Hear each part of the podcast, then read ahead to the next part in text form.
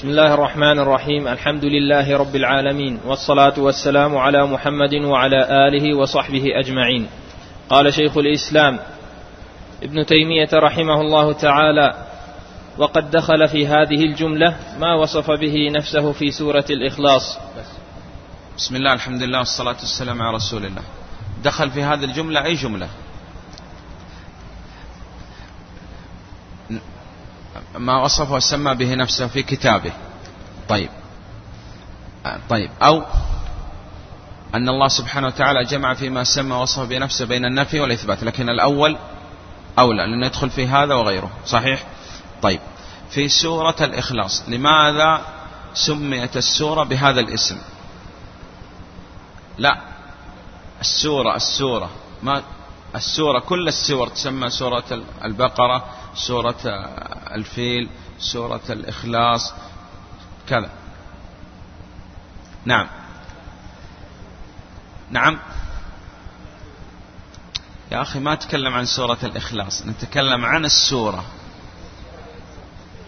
أن كأنها مسورة بسور لا يخرج ولا يدخل فيها شيء.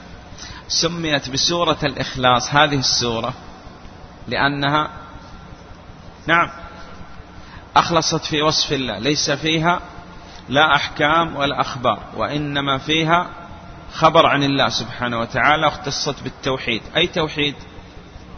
توحيد الأسماء والصفات والربوبية.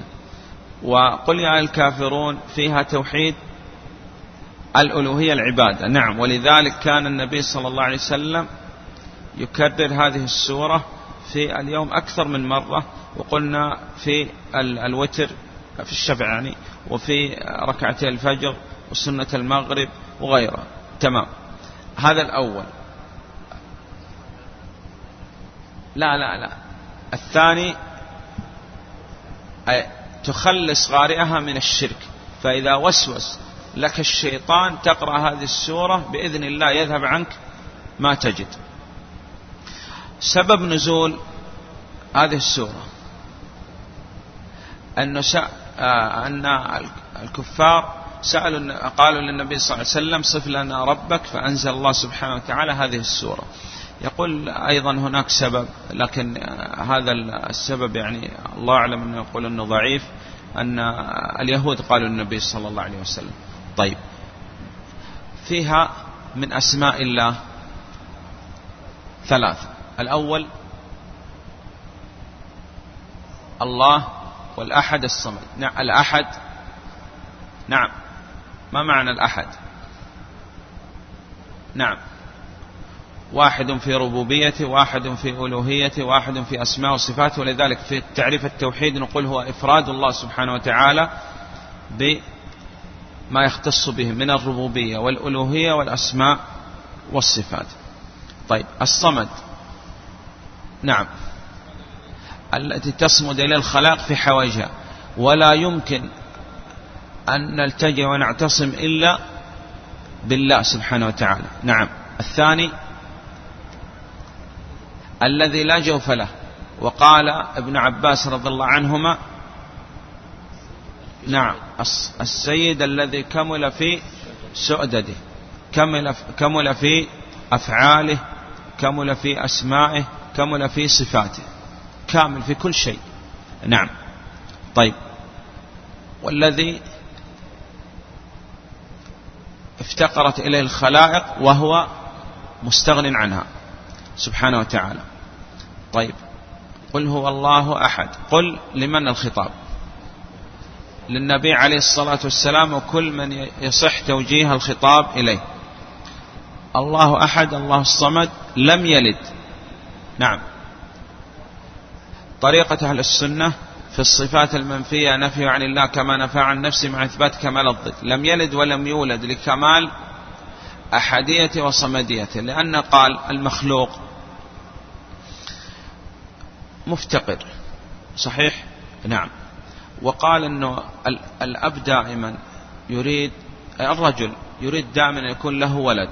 لماذا؟ قال حتى يساعده إذا كبر وما ذلك. والله سبحانه وتعالى مستغن عن الولد. ولم قال لم يلد ولم يولد لكمال أحديته وصمديته. وقال أيضا أنه إذا كان هناك ولد لا بد أن يشبه يلحق شبه بالأب. والله سبحانه وتعالى ليس كمثله شيء والسميع البصير. لم يلد ولم يولد ولم يكن له كفر والكفر والند والمثيل والشبيه قال معانيها متقاربة. لماذا؟ لكمال أحديته وصمديته وكمال غناه سبحانه وتعالى. لم يلد ولم يولد ولم يكن له كفوا أحد. طيب الثاني قال آية الكرسي. لماذا سميت آية الكرسي بهذا الاسم؟ نعم أبو صالح. نعم. لأن فيها ذكر الكرسي والكرسي فسر من؟ ابن عباس رضي الله عنهما أنه هو موضع القدمين لله سبحانه وتعالى. طيب هل القرآن يتعاظم بحسب المعاني والموضوعات؟ لا بحسب القائل فالقائل هو الله سبحانه وتعالى. وقلنا أن بعض الآيات قد تؤثر ويحصل لك عند سماع هذه الآيات الخشوع وزيادة الإيمان لأن هذا معتقد أهل السنة والجماعة. صحيح؟ إذا سمع آية الله سبحانه وتعالى يزداد بهذا السماع إيش؟ الإيمان. نعم. طيب ما هو الدليل؟ أن هذه الآية أعظم آية في كتاب الله. حديث أبي بن كعب رضي الله عنه. وهذا قلنا فيه منقبة لأبي رضي الله عنه لأنه شهد له النبي صلى الله عليه وسلم. طيب آه، آية الكرسي قال فيها من أسماء الله كم؟ خمسة. وهي الله والحي والقيوم والعلي والعظيم. طيب نعم. أولا الله أخذنا. يعني مشتق من الإله المألوه محبة وتعظيما فلا داعي للإعادة. الحي نعم. ذو الحياة الكاملة. وإحنا تقدم معنا أن معتقد أهل السنة والجماعة أن لله الأسماء الحسنى البالغة في الحسن غاية وأكملة. فكل حسن وكمال لله سبحانه وتعالى. طيب لم تسبق بعدم ولا الحق فناء. وقلنا لا يلزم من إثبات الله سبحانه وتعالى للعبد أنه حي أن تكون حياة المخلوق الناقص مثل حياة الله سبحانه وتعالى الخالق الكامل سبحانه وتعالى أن الله ليس كمثله شيء. طيب. وبالحي يأتي الكمال الذاتي. طيب. والقيوم يأتي الكمال السلطاني. ما معنى القيوم؟ الذي قام بنفسه وقام بغيره. نعم فهو مستغني عن كل شيء وكل شيء مفتقر إليه. ولا نستطيع أن نستغني عن الله طرفة عين. وقال بعض السلف أن هذه من الأسماء الحي القيوم من الأسماء أي أسماء؟ نعم تقترن وتنفرد. يصح أن يسمى الله سبحانه وتعالى بالحي ويسمى بالقيوم وتقول الحي والقيوم تقترن وتنفرد. وبعض أهل بعض العلماء قال أنها من اسم الله الأعظم ذكرت في القرآن في ثلاث مواضع. الموضع الأول في هذه الآية آية الكرسي. الموضع الثاني في أول آية عمران سورة آل عمران. والثالث في سورة طه حيث قال الله سبحانه وتعالى وعنت الوجوه للحي القيوم. نعم في ثلاث مواضع. طيب الحي والقيوم. قال والاسم الرابع في هذه الآية العلي. علو الله سبحانه وتعالى قلنا أهل السنة والجماعة يثبتون لله علو في الذات وعلو في الصفات. آه، نبهنا في آخر درس كتاب التوحيد اليوم أنه أنا ليس لي زيادة علم أبد. وإحنا اتفقنا أنه جئنا لهذا الدرس من أجل المذاكرة وهذه حال السلف. وإذا كان عند بعض يعني الطلاب إشكال أو كذا ارجع إلى شرح الواسطية. وذكرنا أمس أنه اتفق كل من انتسب إلى الإسلام هذا يقول الشيخ بن عثيمين اتفقوا على إثبات العلو لله في الصفات لكن اختلفوا في التطبيق. المعطلة قالوا من أجل أن نعتقد أنه لله الكمال في الصفات لابد ننكر الصفات. الممثلة قالوا الكمال ما يكون إلا بتمثيل الخالق الكامل بالمخلوق الناقص ولذلك مثلوا. أهل السنة توسطوا وسوف يأتينا أن وسطية أهل السنة والجماعة وسط بين أهل التعطيل وأهل التمثيل. إثبات مع تنزيه. طيب والثاني العلو في الذات. هل اتفق عليه كل من انتسب للإسلام قال لا. نعم. وأدلة العلو قلنا إجمالا خمسة وسوف يأتي معنا أنه شيخ الإسلام في العقل هذه العقيدة المباركة ذكر أكثر من مبحث في إثبات العلو.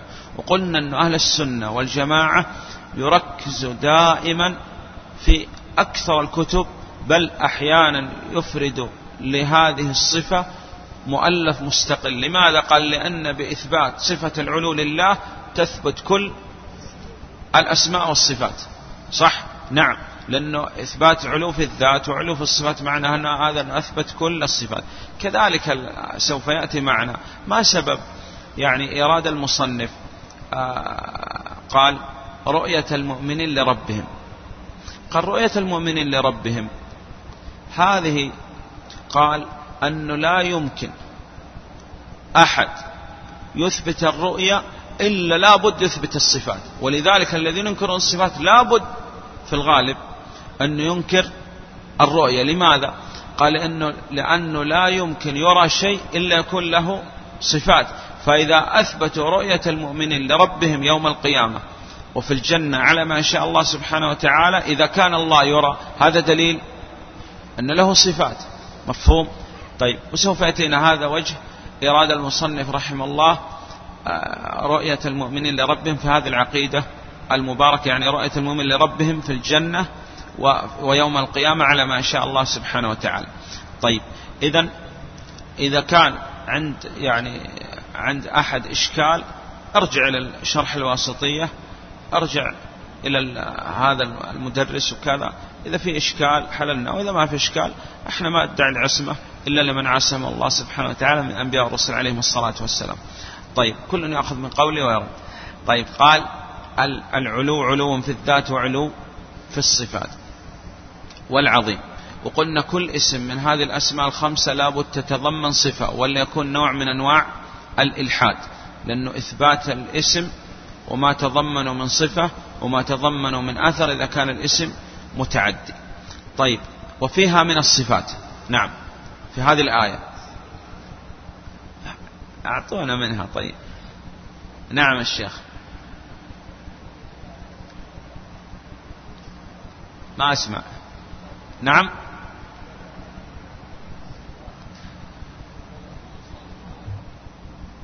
والله ما أسمع يا شيخ محمد.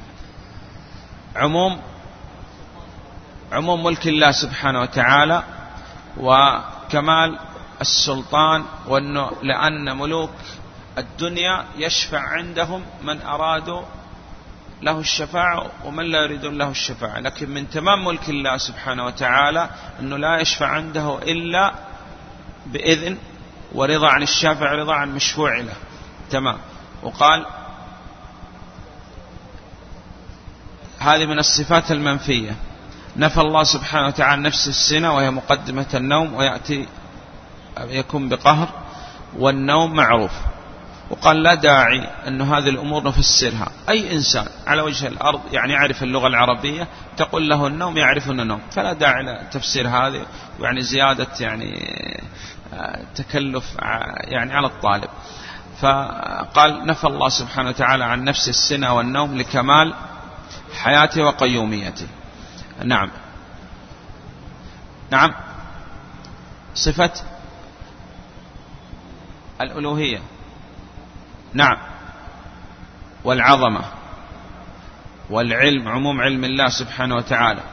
والمشيئة. نعم وتقدم معنا أن كل مشيئة في القرآن سوف يأتينا إن شاء الله أنها كونية. نعم. طيب. و والحياة والقيومية والعندية. وقلنا لكن يوصانا الله سبحانه وتعالى عن الظنون الكاذبة. مثل أن يظن أن المخلوقات تحيط بالخالق. وهل يعني نقول بهذا بإثبات المكان لله نقول هذا اللفظ لم يرد في كتاب ولا سنة إثباته ولا نفيه فلا نثبته ولا ننفيه ونسأل عن المعنى ماذا تريدون بالمكان؟ هل تريد أن الله سبحانه وتعالى في العلو وبائن من خلق نقول هذا الحق ولكن لا تعبروا بالمكان وعبروا بما جاء به الكتاب والسنة العلو والاستواء والفوقية وصعود الأشياء ونزول منه. وإن أردتم بالمكان أن المخلوقات تحيط بالخالق هذا الكلام باطل ويجب أن يرد. نعم. وهذا قلنا هي طريقة أهل البدع أنه يتركوا ما جاء في الكتاب والسنة ويأتوا بألفاظ متشابهة يشككوا بها الناس. نعم. عموم ملك الله سبحانه وتعالى تقديم من حق التأخير. نعم. إثبات نعم ولا يؤود حفظهما. يعلم ما بين أيديهم.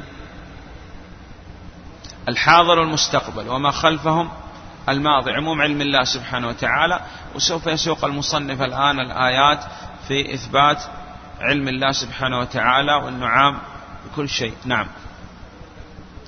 تقديم المعمول على العامل يفيد الحصر. نعم. آه، يكفي آه، هذا اليوم وإن شاء الله غدا نكمل إن شاء الله ما تبقى. والله أعلم وصلى الله على محمد وعلى صحبه وسلم.